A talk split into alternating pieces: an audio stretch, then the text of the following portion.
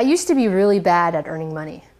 Early on, I was a junior financial planner, and my job was to help people manage their wealth. But my salary was so low that I started riding my bike to work to save money on gas, and I started a garden to save money on food.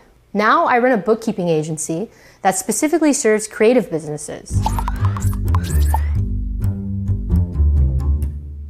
This might sound strange coming from a former financial planner, but I'm not a fan of capitalism. Almost everyone I work with and know and love is an artist, including me. So I know the way the system is set up, freelancers and artists are too often way underpaid. They often feel like focusing on money will corrupt their creativity, or they think they're just not that good at making money anyway.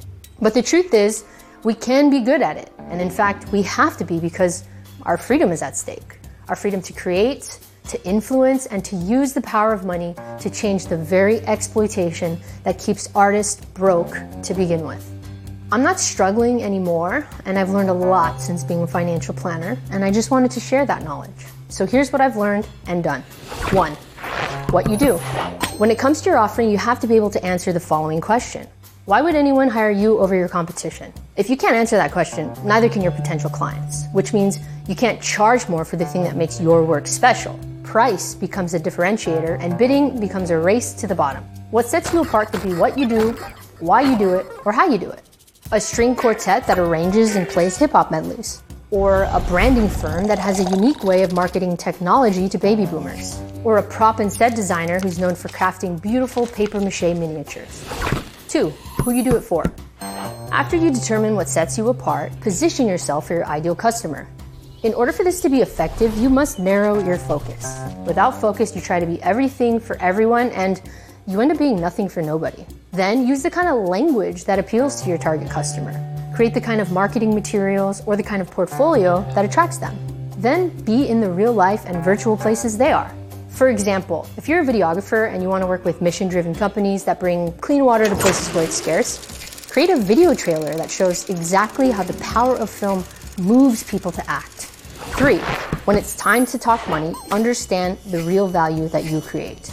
You're not just being compensated for the time that you work on a project, you're being compensated for everything you've learned and everything you've done over the years that make you excellent at what you do. Ask yourself questions like How does your service impact a customer's bottom line? How do you create efficiencies that generate cost savings? How much money can your customer make from a product that you help them create? For example, if you're a freelancer that helps YouTube creators develop merch like t shirts and dad hats, mention how much money you've helped your clients generate. Or if you've created a diversity and inclusion training program for corporations, talk about how much time and money a company saves purchasing your product instead of developing their own. Four, make sure your price includes your taxes, your overhead, and your profit. When you're a freelancer, you are your own business. So you're responsible for marketing, accounting, taxes, legal, insurance, overhead, and profit. If you price too low, you've already negotiated against yourself. And if a potential customer bulks at your pricing, don't apologize. Just say that you're running a business and you can't afford to do the work for less. Instead of corrupting your creativity, focusing on making more money could actually enhance it by giving you the freedom of choice.